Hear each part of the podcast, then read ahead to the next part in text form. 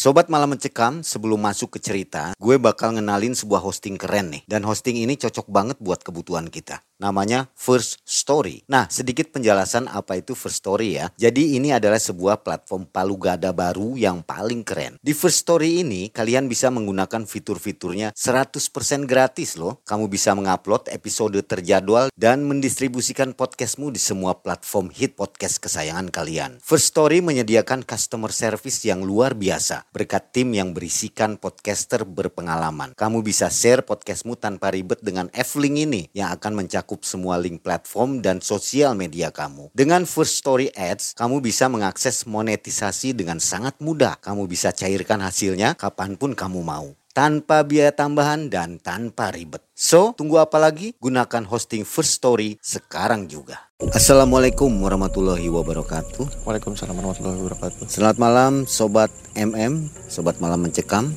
Terima kasih atas dukungan Anda kepada channel Malam Mencekam dan selalu bersama kami.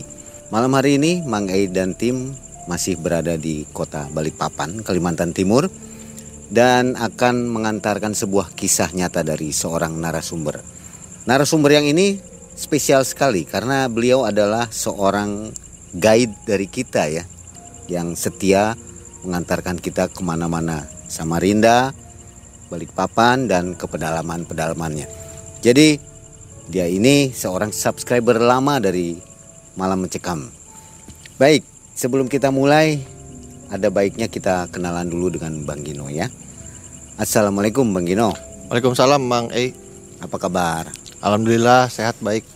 Terima kasih sudah mau berkisah di Malam Mencekam dan terima kasih telah mendampingi kami selama di Kalimantan Timur nih. Dan ternyata Bang Gino mempunyai kisah yang luar biasa. Kisah tentang mistis mancing ya, gangguan goib mungkin seperti Ya. itu. Bang Gino kegiatan apa? Ya sekarang kegiatan ya selama ini masih kerja aja sih. Masih kerja. Ya. Boleh tahu di mana nih? Ya saya kerja di jalan tol lah. Jadi pejuang bahu jalan. Ya bisa dibilang begitulah. Seperti itu ya. Ya. Bang Gino, itu waktu mancing tahun berapa? Itu waktu mancing saya 2014 Mang E. Masih sekolah? 2014 sudah nggak nggak nggak sekolah sudah. Baru keluar Ya baru SMA lulus, ya? baru lulus lah. Kenapa bisa sampai diganggu gitu? Katanya bertubi-tubi ya gangguan gaibnya itu. Ya jadi begini Mang E. di Kalimantan ini kan udah pasti nggak lepas lah dari bahasanya tuh kepuhunan lah. Jadi mungkin kepuhunan lah, sudah pasti bisa jadi kepuhunan lah saya ini Kepuhunan mengalaminya. ya. kepu- Berefek kepuhunan. apa itu? Jadi efeknya tuh bertubi-tubi ya ganggu bukan mengganggu sih tapi mengalami hal-hal negatif lah kayak Di luar nalar ya? di luar nalar lah udah pasti di luar nalar karena yang saya temui juga wujudnya bukan cuma binatang tapi binatang setengah manusia Itu berlaku di Balikpapan, Samarinda atau Tepatnya seluruh di- Kalimantan? kepunan ini Iya. kepunan ini tepatnya sih di seluruh Kalimantan ya Sama ya. ya Dibilang sama. mitos tapi kenyataan. dibilang mitos tapi ada kejadian jangan nggak percayalah tapi Oke. dipercaya dilakukan aja Baik. Itu juga berlaku untuk pendatang dari Jawa misalnya. ya, siapa pun itu yang sudah menginjak tanah Kalimantan harus ngikut aturan apa yang ada di Kalimantan ya seperti menghormati satu sama lain Ya. ya kepunan salah satunya itu udah pasti Kalau nggak percaya silakan kalau dicoba. nggak percaya silakan dicoba tapi saran saya jangan coba-coba Oke, baik. Sobat MM, semoga semua selalu dalam lindungan Allah Subhanahu wa taala dan dilimpahkan rezekinya. Dan saatnya kita mendengarkan kisah dari Bang Gino tahun 2014. Silakan Bang Gino.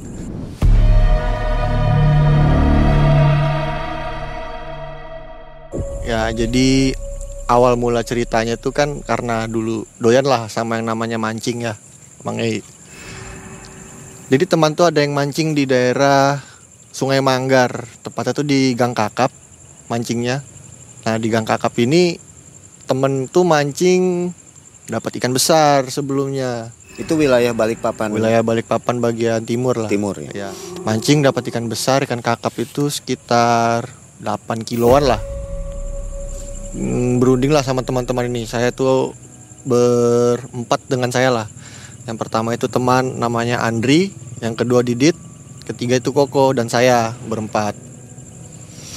Berunding kapan atur jadwal mancing waktu itu dapatnya hari Minggu pas semua hari libur ya kan. pergilah kami mancing sebelum kami pergi tuh jam sekitar habis zuhur lah jam 2 jam 1 jam 2an lah kita pergi mancing nah karena terburu-buru udah telat nih teman udah pada nungguin di bawah ini. Pas mau pergi tuh saya di rumah tuh ditawarin makan dulu disuruh makan sama orang tua. Karena buru-buru nih saya nggak sempat nyicip nggak sempat apa. Langsung pergi aja mancing. Pergilah ketemu sama teman-teman. Pergi di jalan tuh sekitar 5 kilo lah untuk sampai tempat pemancingan itu sampai tempat mancing. Jadi mancingnya ini di sungai, Sungai Manggar itu bagian hulu sungai lah, bukan di tempat mancingan. Jadi hulu tuh sudah masuk dalam-dalam muara tempat bakau-bakau. Rawa itu ya? Nah, bukan rawa sih, Mang, tapi bakau ada dermaganya juga. Nah, pergilah kami mancing. Saya tuh goncengan dengan si Andri. Saya sama Andri paling depan. Setelah di jalan, kami membeli peralatan dulu ya seperti yang kurangnya apalah mungkin kayak logistik sama mata pancing atau bandul ada yang kurang kami beli dulu umpan segala macam. Ya karena kami kan rencananya mancing itu sampai malam ya sampai malam sampai dapat ikan lah. Karena si Andri ini kan yang awalnya mancing dapat ikan besar itu. Tergiur dari pembicaraan dia ya udah sampai malam lah kita mancing rencananya. Pergilah setelah pergi nah itu di sana jadi masuk gang kakap. Gang kakap itu jalannya setapak sekitar lebarnya kurang lebih 4 meter lah untuk satu mobil aja. Jalan turun nah pas jalan turun itu sudah pirasat dari awal jalan tuh sudah nggak enak karena mikirnya tuh makanan terus yang di rumah. Belum sempat belum sempat nyicip makan. Tapi karena sudah buru-buru ah ya sudahlah biarin aja. Mungkin ya karena deket juga sih tempat dari rumah kan. Tiba-tiba tuh ada ular ular kobra lah king kobra sih saya bilang ya. Sekitar jam 1 jam 2 ular itu melintang di lewat lah nyebrang jalan itu. Jalan tuh sekitar 4 meter mang. 4 meter nah ular tuh dari semak. Waktu kami lewat turun ular tuh melintang nih. Pada saat kami turun tuh dia tahu ada orang lewat dia langsung balik badannya. Set berdiri nih tegak berdiri tegak di jenisnya kobra? Jenisnya king cobra itu berdirinya sekitar ya segini lah. Ada semeter lah paling. Tegaknya dia berdiri itu badannya. Nah kami berhenti dong. Ular itu berbalik, kami diam, sama-sama diam nih. Setelah itu saya berpikir kan, ada apa ini? Mulai dari feeling gak enak sampai belum sempat dicip makan nih. Ah, tapi ya sudahlah, namanya mau have fun kan, mau mancing sekalian, refreshing. Nah itu kami berunding berdua. Ih, lanjut deh nih, jalan ini. Lanjut aja lah. Jalannya tuh ya kiri kanan masih hutan, mungkin ada pondok-pondok orang aja beberapa sih karena di situ sebagian ada empang-empang juga empang bandeng empang mancing bandeng karena kalau nggak ada pondok yang jaga nanti takut dicuri orang lah empang ya. Makanya ada pondok di situ sebagian. Nah sampailah kami di dermaga itu. Kami langsung siap-siap pasang alat pancing semuanya logistik. Nah itu kalau mancing kita posisinya ada tiga posisi. Jadi mencar kami nggak barengan kalau mancing. Di situ posisinya saya yang nggak dapat posisi tempat. Jadi teman tuh tiga udah nempatin masing-masing saya pertama tuh mancing berdua dengan Koko. Nah saya mancing berdua sama Koko tuh sampai sore itu pas menghadap ke sungai itu kelihatan kan seberangnya sungai itu kelihatan. Seberangnya tetap hutan bakau tuh nggak ada penduduk sama sekali hutan bakau. Jadi di hutan bakau tuh kita mancing sama-sama nih sambil ngobrol kan. Eh kayak apa ini kita mancing kok nggak dapat dapat dari jam 2 tadi kita sampai nih sampai sekarang belum ada patukan ikan sama sekali nih. Gimana ini? Eh botek lagi nih Andre nih Andre nih botek itu bohong. Dalam bahasa ininya. Ya botek lagi Andre ini kemarin dapat ikan. Mana orang ikannya? Ikannya kemarin lo ada fotonya. Tapi masa di sini tempatnya? Ini lo nggak ada patukannya sama sekali tempat ikannya ini. Udahlah setelah ngomong kayak gitu nggak lama itu ada yang di ada interaksi di atas air ini. Beh, itu nah ikan nah tarik lagi pancing kan? Tarik pancing lempar lagi lempar ke dekat dekatnya yang ikan lompat itu dekat ikan lompat tuh lempar sama sekali nggak ada sambaran juga. Nah setelah beberapa lama kok kayak ada yang aneh. Ini cuacanya tiba dari panas nih tiba-tiba mendung. Tapi kayaknya nggak hujan nggak mau hujan. Nah kita berpikir ih mendung kok. Gimana ini? Wah ya gimana? Nggak apa-apa lah kalau mendung. Kalau hujan nanti berteduh aja dulu di pondok ini yang ada. Karena di dermaga itu sebelahnya dermaga ini ada pondok mang. Jadi barang-barang sebagian taruh di pondok Nah jadi kalau mau teduh kan tinggal ke pondok aja nih dermaga ini. Nah pas mancing itu di seberang itu kayak ada interaksi di hutan-hutan bakau tuh kayak bunyi stak stok stak stok. Gak tahu tuh bunyi apa kayak bunyi kayu dipukul sama-sama kayu gitu mang. Tak tak. Ya nggak tahu lah itu bunyi apa cuman kita kan pikirnya positif aja pasti. Namanya mancing di muara depan tuh hutan nggak tahu ada apa kan. Cuman ya masih kalau saya positif kadang negatif juga kepikirannya masih ke makanan di rumah. Kepuanan tadi. ya karena sih saya sama Andri aja yang melihat ada ular ini di tengah jalan tadi. Posisi karena posisinya saya di jalan tuh saya paling depan sama Andri yang di belakang nih jauh waktu mau masuk ke area mancing ini. Jadi dia berdua ini nggak tahu hanya kita berdua aja yang tahu pas mau mancing ini. Nah karena saya mikirnya juga pasti ke situ kadang ke ular ini apa gara-gara ular tadi. Nah setelah dari tempat koko tuh sekitar jam 3 jam 4 lah saya pindah ke tempatnya teman yang si namanya Andri nih yang dia kemarin dapat ikan besar. Mungkin di situ cobalah siapa tahu tempatnya dia ini betul-betul dapat ikan ya. Nah pindahlah saya ke tempatnya Andri. Ngobrol-ngobrol sama Andri sudah ada, sudah ada kah patukan-patukan ikan?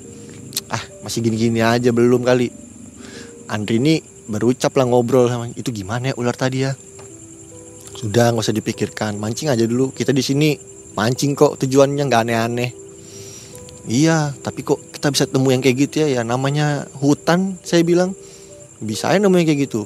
Malah bisa-bisa nemu yang lebih yang lain daripada itu. Nah, salahnya saya juga ada ngucap begitu, mang. Karena pantangan juga sih ngucap yang yang kayak gitu tuh disebut di Kalimantan nih. Ya kayak misalkan ketemu ular kayak gitu, kita langsung bahas di tempat itu ya seharusnya jangan, karena masih areanya ya. Nah dia juga ngomong tadi, tadi di ujung sana ada bunyi, kayu yang seperti dipukul-pukul sama-sama kayu tak tak tak. Kayak orang nebang kayu lah mungkin suaranya itu. Ternyata dia melihat yang lain lagi. Kayak ada yang nyebrang dari dermaga itu ke arah seberang sana dia cerita sama saya. Itu waktunya masih jam 3 jam 4 ya. Masih belum malam hitungannya. No tadi aku ada ngeliat juga nyebrang pokoknya. Nggak cepet kayak lambat aja nyebrangnya. Apa aku bilang? Kayak putih gitu aja nyebrang. Ah mungkin kamu lapar. Saya bilang gitu mungkin kamu lapar. Udahlah kalau lapar makan aja dulu. Saya mikir aneh-aneh. Tapi betulan jelas aku ngeliat itu dia bilang. Nggak terlalu saya hiraukan lah setelah di situ saya lama sekitar ada dua jam lah sampai jam-jam 5 jam setengah enam saya geser lagi dari tempatnya Koko, tempatnya Andri, pindah ke tempatnya Didit yang di ujung. Saya angkat pancing, saya ngomong sama Andri, ah tempatmu jelek betul, dah ada dapat aku ikan, patukan aja ndak ada. Saya gulung pancing, saya pindah ke tempatnya Didit. Pas nyampe tempatnya Didit, ngobrol lah sama Didit. Gimana Dit? Ada nggak dapat patukan ikan? Eh, sepi betul, ndak ada kayaknya ini. Nah, betulan pada saat di situ Didit nih mau bakar rokok dulu nih. Terus bakar rokok. Nah itu di jadi di area situ ada kayu tunggul kayu tuh ada cikangnya tuh kayak cikang tuh bilangnya apa ya? Kayak ketak kayak batang yang mirip ketapel tuh. Nah tuh Didit taruh rokok di situ. Bercabang gitu. ya? Bercabang gitu. Bakar rokok Didit taruh rokok di situ. Rencananya niatnya bercanda nih mbah. Saya taruh rokok mbah. Mudah saya dapat ikan. Taruh rokok di situ. Nggak ada angin nggak ada apa cuman cuaca memang masih mendung. Di area kayu itu yang dia taruh itu pasir. Pinggirannya pasir. Jadi itu betul-betul kayu pasir. Dia kayu atas pasir. Setelah naruh rokok dia ngomong begitu tadi dia pasang umpan. Pasang umpan pancing. Setelah dia pasang dia lempar pancing lempar. Dia mau ngambil rokoknya tadi itu. Saya juga nggak lihat udah nggak fokus ke arah rokoknya. Saya tetap pancing. Dia mau ngambil lagi setelah masang pancing lempar pancing tadi. Mau ngambil dia nyariin loh. Mana rokokku di sini tadi? Yang habis kubakar dia bilang. Kok ndak ada? Dah dia ndak hiraukan di situ. Udah mikir langsung bakar rokok lagi. Firasat dia udah nggak enak. Nggak lama setelah dia bakar rokok itu dia langsung susun alat pancing pulang lah dia tuh. Pulang duluan. Eh ke mana kamu? Aku duluan ya. Nah, enak rasanya dia bilang. Ya udah kenapa? Eh nggak apa-apa pulang duluan aku nggak enak aja.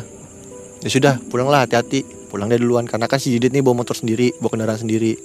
Koko bawa kendaraan sendiri saya aja yang berboncengan sama Andri. Eh setelah Didit pergi saya tetap mancing di situ. Nah karena kondisinya sudah mau maghrib maghrib maghrib sudah kami nggak sholat nggak ibadah posisinya mancing. Ngumpullah kami sambil ngobrol. Gimana? Ada kapatukan ikan? Nggak ada. Jadi saya ajaklah mereka semua ini ngumpul. Karena kalau di Kalimantan ya bukan di Kalimantan sih orang tua saya bilang lah. Kalau maghrib namanya maghrib tuh kalau bisa jangan keluar rumah. Dari siang ke malam itu kebanyakan orang buang ilmu lah apalah atau ilmu nyasar lah. Nah itu yang ditakutkan nah lanjut ke cerita tadi. Ngumpullah kami ngobrol. Adalah kamu dapat patukan ikan atau ikan matuk lah. Eh nggak ada ya ikan matuk sama sekali dibilang kan. Kenapa ya? Saya sama Andi cuma tatap-tatapan aja. Cuma Koko aja masih nggak tahu. Jadi Koko tuh jadi Koko tuh karena saking nggak taunya kita yang udah tahu nih ya udahlah santai dulu. Habis maghrib kita lanjut mancing lagi ya sudah. Sambil nyantai merokok sambil makan dulu logistik. Koko ini sambil lihat HP nah dulu masih zamannya Facebook ya mungkin waktu itu ya sambil lihat HP lihat Facebook tuh lihat foto-foto cewek nih tiba-tiba HP-nya tuh nyemplung dalam air. Setelah nyemplung tuh saya ngambil HP-nya. Padahal tuh HP-nya masih nyala pas nyemplung itu dalam air. Deket masih sekitar dangkal lah itu udah di pinggir tuh sekitar semeteran aja atau setengah meter lah. Saya ambil HP-nya pakai tangan saya. Saya ambil saya lihat masih lihat foto cewek nih. Saya kembalikan kok kena HP-mu. Kembalikan kok kok ngeliat. Kok langsung ngomong loh. Perasaan aku tadi nggak ada lihat foto cewek ini loh dia bilang. Kok tiba-tiba lihat foto cewek ini? Dia bilang begitu. Matinya pas lihat foto cewek lagi. Ah di sini kok udah gak enak lah udah mulai gelisah. Karena mungkin dia punya kejadian lain setelah saya tinggal ya. Ya jadi Koko tuh sempat ngomong ya nanti kalau jam sampai jam-jam 8 atau habis-habis Isa nggak ada patukan sama sekali ya udahlah kita balik pulang aja yuk. Nah karena dia udah ngomong gitu jadi feeling mancing saya udah nggak ada udah bad mood lah. Rencana sampai malam ya nggak jadi mancing sampai malam nih. Nah pada hari itu saya ternyata baru ingat saya mancing tuh hari Kamis. Pas malamnya jadi malam Jumat. Makanya kok ada kejadian yang janggal dari mulai pergi mancing. Nah berunding lah di situ bakal pulang setelah Isya. Saya inisiatif. Mereka masih mancing berdua saya udah nyusunin alat alat pancing. Jadi dermaga dari tempat pondok itu saya nyusun alat pancing sekitar 20 meter lah nggak terlalu jauh. Saya nyusun alat pancing tuh kayak feeling tuh udah nggak enak di belakang tuh kayak anjing gonggong terus melolong terus anjing tuh. Di belakang sungai Manggar tuh pas ada empang mancing empang bandeng. Nah di empang tuh pasti ada pematangnya pematang untuk kita mancing. Saya noleh kayak ada kelibetan lewat gitu aja cuman nggak tahu apa. Tetap masih positif lah karena belum nampak wujud yang jelas. Nah sudahlah. Saya pikirkan saya hiraukan. Setelah saya susun pancing saya langsung cepat buru-buru ke ngumpul sama teman ke dermaga ya, sedikit rasa takut ada muncul lah. Ngobrol lah. Kayak ini bagaimana kalau kita pulang sekarang aja yuk? Saya ajak begitulah mereka. Uh, di situlah mungkin mereka mengambil keputusan sepakat pulang sama-sama ini. Tanpa ada hasil tanpa ada ikan pulang bawa umpan. Kita pulang goreng umpan aja sudah. Dibilang saya bilang begitu kan kita pulang goreng umpannya sudah. Ayo kita pulang sekarang. Pulanglah kita sekarang set di jalan pulang saya sama Andri ini paling depan lagi. Karena si Koko ini kan sendirian bawa motor. Set jalan begitu ketemu tempat yang temu ular tadi. Nah tiba-tiba Andri langsung berhenti. Berhenti langsung diam. Diam tanpa bahasa sama sekali. Di situ saya bingung kenapa? Eh sudah jalan cepat sudah. Nah enak nah kemalaman malam Jumat lagi ini di situ Andri masih nggak mau bicara. Pas gak mau bicara tuh saya juga bingung. Saya lihat dia natap ke balik pohon. Saya juga natap ke sana. Saya juga lihat. Di situ pohon tuh dililit ular. Ularnya besar dengan setengah badannya ini manusia.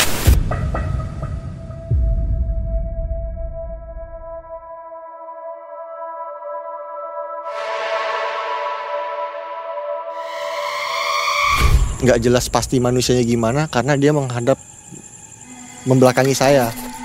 Jadi saya cuma lihat belakangnya aja. Yang jelas rambutnya panjang rambutnya panjang melilit batang. Yang kelihatan rambutnya aja sih yang paling jelas sama badannya setengah ular setengahnya itu manusia. Reaksi Andri ini terdiam. Saya juga langsung diam bingung. Kayak nafas tuh setengah berhenti lah ih saya bingung saya harus gimana ini Koko dari belakang itu nggak tahu dia klakson. Tin nah di situ saya langsung terkaget. Wih, setelah saya kaget saya sadar di situ langsung hilang. Langsung hilang si nggak tahu makhluk apa inilah namanya. Si ular ini hilang tiba-tiba. Di situ Andri masih masih diam. Saya tepuk bahunya. Dri. Baru dia bangun dia sadar dia kaget. Astagfirullahaladzim. Dia langsung ngomong astagfirullahaladzim Langsung berucap lah dia Udah gak usah dipikirkan. Saya juga Aku juga lihat kok. Lanjut aja kita balik jalan. Koko itu dari belakang sudah Pengen ngebut terus. Gak tahu dia dapat gangguan apa Mungkin gangguan yang lain. Jadi begitu sampai jalan Di jalan set Sampai rumahnya si Jadi tuh kita Ada nongkrong tempat ngumpul kita tuh di bengkel las. Nah kita base camp kembali ke bengkelas setelah sampai bengkelas ternyata si Didit nih si Didit nih sudah ada di situ nungguin kita ngobrol lah kami nih. Di situ yang paling pertama ngomong Didit kenapa balik? Sana aja kamu. Loh kenapa? Kalau kita mau pulang. Kenapa? Digangguin kak kamu? Digangguin apa? Sudahlah dosa bohong. Nah jadi saya tanya si Didit ini kenapa kamu pulang duluan? Jadi gini saya sudah aku nih kamu udah sadar kah? Mulai dari aku naruh rokok itu aku ngomong mbah aku pikir kamu bercanda aja yang ngomong saya begitu. Aku pikir kamu tuh bercanda aja. Ngomong ngomong kayak gitu. Enggak saya juga lihat. Jadi aku lihat dibilang Didit. Terus dengar. Kupingku ini ada yang bisikin. Hui hui ternyata ada yang bisikin si Didit ini. Itu yang bikin dia takut pertama tapi makanya dia bakar rokok itu maksudnya buat mbah ternyata diambil sama si mbah itu. Berarti rokok itu diambil sama si mbah yang dimaksud Didit. Makanya dia pulang terus apalagi kamu? Yang jelas aku lihat juga sih sama di dermaga area dermaga itu ada yang nyebrang ke arah seberang kita jadi ke arah depan kita. Ternyata bukan cuma si Andri si Didit juga ngelihat Didit ngeliat ada yang nyebrang ke sana. Nah tambah lagi Koko datang tambah lagi Andri. Koko juga ngomong kirain kalian gak ada kirain kamu semua gak ada yang lihat aku loh ngeliat pas di sampingku dia nyebrang karena yang mancing di dermaga ini kan cuma Koko sendiri. Kupikir kamu semua nggak ada yang lihat makanya aku tegur juga. Ya gimana kita mau tegur? Kita lo posisinya di situ masih. Nah sekarang udah apa-apa ditegur mau dijelek-jelekin udah apa-apa lah sekalian. Nggak dengar juga kok. Nah di situ kita bahas semua. Andri juga ngeliat itu. Nah ternyata si Koko ini juga dapat bisikan bisikan yang aneh juga lah. Kayak nah kayak gitu suaranya tuh bilangnya Koko itu. Tapi begitu dia gini nggak ada. Si Andri juga kayak ada yang tiup-tiup kupingnya tapi nggak ada angin. Kayak ditiup gimana sih tiup kuping tuh? Saya sih nggak ada ngerasa gak dapat gangguan lain. Ya paling cuman suara lolongan sama sekelibetan aja yang di belakang saya setelah nyusun pancing tadi. Nah setelah itu emang jadi ternyata si orang teman kami yang bengkelas nih sering mancing juga di sana. Kami tidak tahu kan mereka sering mancing sana. Ternyata cerita punya cerita, usut punya usut. Ternyata dermaga yang kami pancing ini tuh memang terkenal angker tempatnya. Ditambah lagi saya belum nyicip apa-apa yang namanya makanan tuh orang tua tadi. Mungkin teguran lah itu menurut saya. Begitu dengar cerita mereka dari cerita mereka si kawan-kawan ini, si pemilik bengkelas ini, ya ada yang ceritanya ya, ada yang tidur di dermaga itu mancing sampai mimpi sampai berenang di dermaga itu. Itu kayak tiba-tiba terbangun dari tidur langsung berenang aja. Spontan lah teman-temannya langsung nyelamatin dia. Kalau nggak ada teman-temannya waktu itu dia mancing sendiri. Udah pasti ada korban di situ di dermaga itu. Ternyata memang dari banyak sekian banyak cerita di remaga itu memang sering yang mengganggu tuh sering wujudnya perempuan yang perempuan sama setengah ular setengah manusia itu yang mengganggunya mang jadi seminggu kemudian tuh kami mancing kami berunding lagi untuk e, merencanakan mancing lagi nih tepatnya sudah kami pikirkan tidak mungkin di hari Kamis malam Jumat lagi karena pengalaman sudah yang sebelumnya ya kami putuskan hari Sabtu pulang Minggu dan personilnya tetap nih dengan si Andri, Didit, Koko, saya tambah lagi satu sama si Boy. Belum Ber ada yang jerah ya? Belum ada yang jerah ya karena gimana ya emang mancing ini asik. Hobi. Hobi juga lah dulu mancing sama si Boy. Jadi tuh kami rencananya mancing di pakai perahu lah.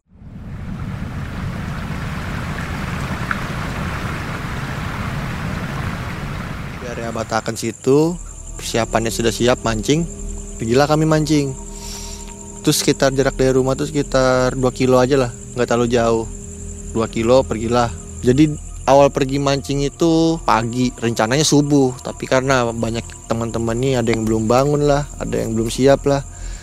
Jadi kami kesiangan. Siangan jam 11 lagi kami berangkat. Jadi satu jam sekitar jam 12 tengah hari. Nyampe perahu cet siapin alat semua. Perjalanan dari pinggir pantai sampai tempat mancing itu kalau kami bilang rompong ya. Rompong itu kayak tempatnya ikan jadi rompong itu kayak tempatnya ikan tempat mancing. Sampai tempat mancing itu sekitar satu jam perjalanan dari pinggir laut dari pinggir pantai sorry. Tengah hari petang itu mancing. Pergi sampai tempat tujuan. Setelah sampai tempat tujuan kami siapin alat kami mancing. Di situ memang banyak ikannya. Banyak ikan mancing terus dapat terus mancing mancing dapat terus. Nah kita tak kami saya tanya sama Koko sama Boy sama Didi sama Andri nih dengan personil yang kemarin itu cuma tambahan satu si Boy. Sama satu orang lagi nih si yang punya kapal. Kaptennya lah pengemudinya pengemudi kapal. Kami tanya mancing ini memang tempatnya sudah. Jadi mancing dapat terus. Koko tuh semua asik tarik ikan semua. Itu ikan itu ya saya kayak kami itu dapat ikan tuh mulai dari ikan merah ikan trakulu, ikan kerapu, macam-macam lah pokoknya ikannya ini kita kami dapat ini. Waktu itu yang paling besar dapat tuh si Koko dapat ikan tompel tuh sekitar 2 kilo. Koko sempat ngomong, ini baru namanya mancing. Daripada di sana dapat hantu aja dia bilang. Sambil ketawa-ketawa. Narik ikan terus narik ikan terus. Nah setelah jam 4 jam 5 tuh kayak tiba-tiba ikan tuh hilang. Ya memang mungkin kalau di laut tuh sudah di sini udah dapat ikan mungkin pindah ikannya. Pindah lagi lah kita tempat ini. Cari rompong yang lain ya rompong itu tadi tempat rumah ikan lah rumah ikan yang kita buat sendiri. Ya mungkin kayak naruh ban-ban bekas naruh kapal yang sudah rusak tuh kita tarik dari pinggir pantai sampai ke tempat itu kita tarik. Nah itu namanya rompong. Jadi rumahnya ikan. Pindahlah ke rompong lain. Karena yang mancing ini yang bawa kami ini pakai GPS juga. Pindah ke tempat lain. Begitu pindah. Sama hasilnya. Kok nggak ada? Nggak ada ditarikan lagi nih. Sudah mulai ganjil nih. Mungkin gara-gara si koko nih. Saya pikir ya dari jam 4 nih ke jam 5 sejam lah. Nggak ada tarikan ikan lagi sudah. Eh mungkin gara-gara koko ini terlalu anu lah ngomongnya. Eh kami memutuskan gak jadi pulang minggu. Udahlah balik aja. Ternyata kita bawa es untuk ikan tuh sedikit. Itu alasan kita pulang juga. Jadi sebelum kita pulang besok takutnya ikan busuk. Karena kita sudah lumayan juga satu peti itu sudah penuh lah. Pulang kita sampai perjalanan itu sekitar sejam kan tadi. Jadi maghrib maghrib lagi nih kondisinya di laut terombang ambing sama laut nih. Ombak lagi lagi besar tiba-tiba tuh lagi besar. Pertama awalnya tuh ombak itu teduh kayak karpet lah kalau kami bilang tuh. Laut tuh kayak karpet tiba-tiba tuh angin kencang sama gelombang. Tiba-tiba tuh tengah perjalanan mesin mesin kapal nggak mati.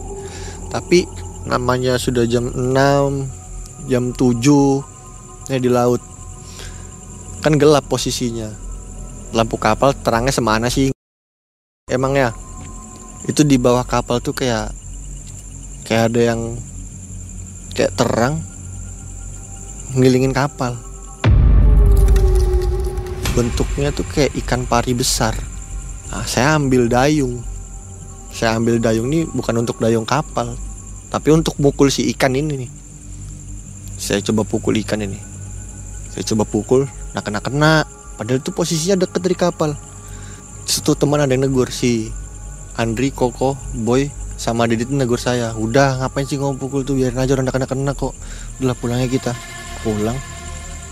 Tiba-tiba nyampe darat saya udah meriang. Udah meriang gak enak lah. Itu wujudnya itu ikan bener-bener ikan kayak ikan pari besar. Nutupin bukan nutupin sih di bawah kapal tuh kayak berenang aja lewat-lewat berenang nah setelah lanjut setelah sampai darat saya udah posisinya meriang nih. Meriang saya pulang lah. Pulang saya nggak langsung nongkrong. Saya minta antar pulang karena posisinya saya sakit. Saya sakit sampai dua hari itu nggak ada berubah. Gitu gitu aja. Orang tua kan bingung kenapa ini? Kok nggak sembuh sembuh sakitnya? Ada apa? Usut punya usut nih ada temen lah yang ngerti nih.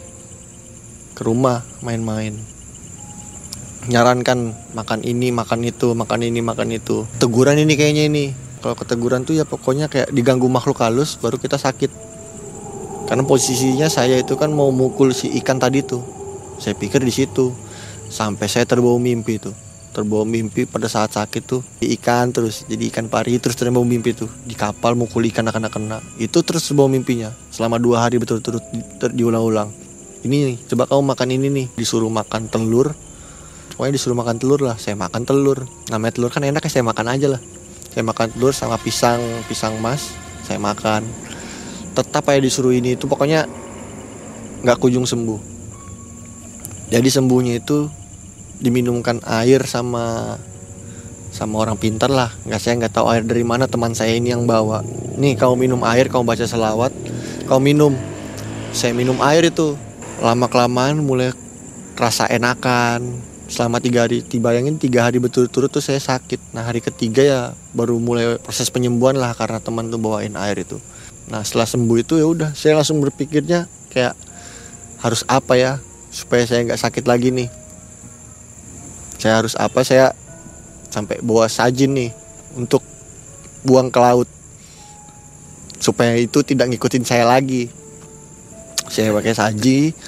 Saji itu ya kayak isinya ada pisang emas ada telur m kampung ada beras kuning sama apa waktu itu? Saya lupa itu ada banyak itu kombinasinya di saji tuh karena teman saya yang buatkan tapi saya ngantar. Setelah saya ngantar sesaji itu ya saya kembali ke kumpulan teman-teman saya inilah. Kembali ke kumpulan ngobrol-ngobrol-ngobrol. Si boy ini ternyata ada ngelihat sosok aneh lain. Saya ngelihat ikan pari ternyata si boy ini cerita sama saya. Dia tuh ngelihat ada ular besar muncul. Dari dari laut muncul baru masuk lagi. Itu sebanyak dua kali dia lihat ular tuh muncul masuk lagi muncul masuk lagi.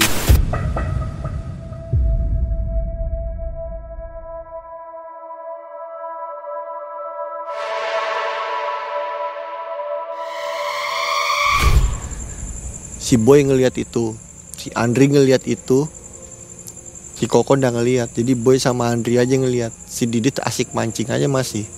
Nah jadi ternyata mereka juga punya cerita lain. Bukan cuma saya aja yang ngeliat waktu pada hari itu. Makanya mereka semua langsung negur saya. Karena saya mukul ikan pari itu.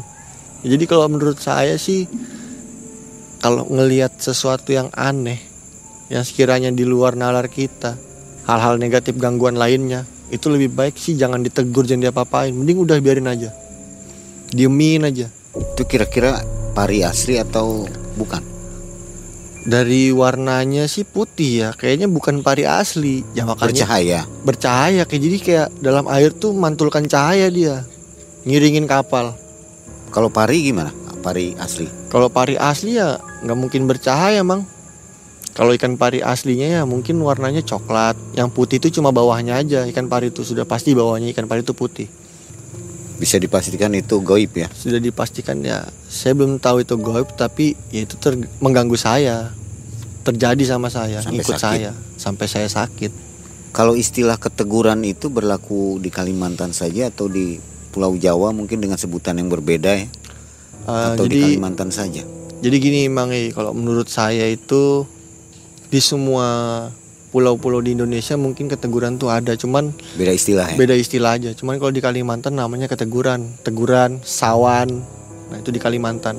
Tapi kalau menurut saya sih selama saya di pengalaman saya keluar pulau tuh nggak pernah sakit atau gimana tapi di Kalimantan ini kalau menurut saya lebih parah-parahnya lagi sih bisa berkali-kali lipat namanya keteguran tuh bisa lebih parah lah ya dari cerita yang saya tonton dari cerita pengalaman mistis dari channel Mang Ai sendiri ya saya sudah banyak nonton ya kurang lebihnya sama seperti itu Ya. Beda penyebutan saja beda ya. penyebutan saja ya tapi yang jelas di Kalimantan sangat bahaya lah ya untuk kayak Apalagi gitu. mungkin pendatang yang masuk Kalimantan juga harus lebih ekstra hati-hati ya. ya untuk pendatang yang baru datang lah untuk pendatang yang dari luar pulau Kalimantan mau mengadu nasib di Kalimantan ceritanya ya perantau lah ya saya harap ya tetap jaga attitude Ya. jaga sikap sopan santun itu Adab, nomor ya. satu di mana pun anda berada Apalagi sebentar lagi mau jadi IKN ya di ya Penajam Pasir. ya mudah-mudahan aja ya kami orang Kalimantan ini welcome lah tetap lah terima aja bagi pendatang karena di Kalimantan Timur ini khususnya karena mau ada IKN bagi pendatang ya saya harapkan tetap jaga perilaku sikap karena di tanah Kalimantan ini nggak sembarangan. Tetap patuhi aturan yang ada tapi jangan terlalu mudah percaya juga. Mungkin ada teman-teman yang dari Kalimantan tuh ngomong ini ngomong ini didengarin aja dilakuin lah. Tapi jangan terlalu mudah percaya. Ya. dalam artian lah jangan sampai dibohongi juga tuh. Jadi nanti lebih ke arah musrik ya. ya nanti kalau terlalu percaya lu juga lebih ke arah musrik nanti Betul. jatuhnya Jadi tingkatkanlah iman. ya intinya harus tetap beribadah lah sama yang maha kuasa kalau memang butuh perlindungan ya tetap sama yang maha kuasa lah Masalahnya mancing saya jadi masalah ya tadi. masalahnya mancing saya jadi masalah Padahal kita orang sini, putra saya- daerah ya. ya saya sendiri pun orang sini yang saya pikir itu aman-aman aja karena dekat rumah ya ternyata tidak aman juga Disambungkan lagi dengan kepuhunan tadi. Ya. Menolak ibu makanan ibu Kepu ya. ya hitungannya saya kepunan saya nggak cicipin makanan mungkin kalau saya cicipin makan pada waktu itu bisa aja dapat ikan lebih Ya. banyak daripada Andri tadi Jadi kesialan-kesialan jadi timbul ya. kesialan-kesialan jadi timbul mancing berikutnya jadi timbul kesialan lagi Baik, Tuh Bang Gino, terima kasih nih kisahnya menambah wawasan untuk kita semua. Jadi jaga perilaku di mana pun kita berada ya. Ya. Bahkan di tempat sendiri pun, kalau kita tidak permisi, tidak dengan etiket yang baik, akan menimbulkan masalah. Baik, Mang Ei dan tim akhirnya undur diri dari Balikpapan, Kalimantan Timur. Sampai jumpa di video selanjutnya. Mas Gino, banyak terima kasih. siap pakai sama-sama Mang Ei. Assalamualaikum warahmatullahi wabarakatuh. Waalaikumsalam warahmatullahi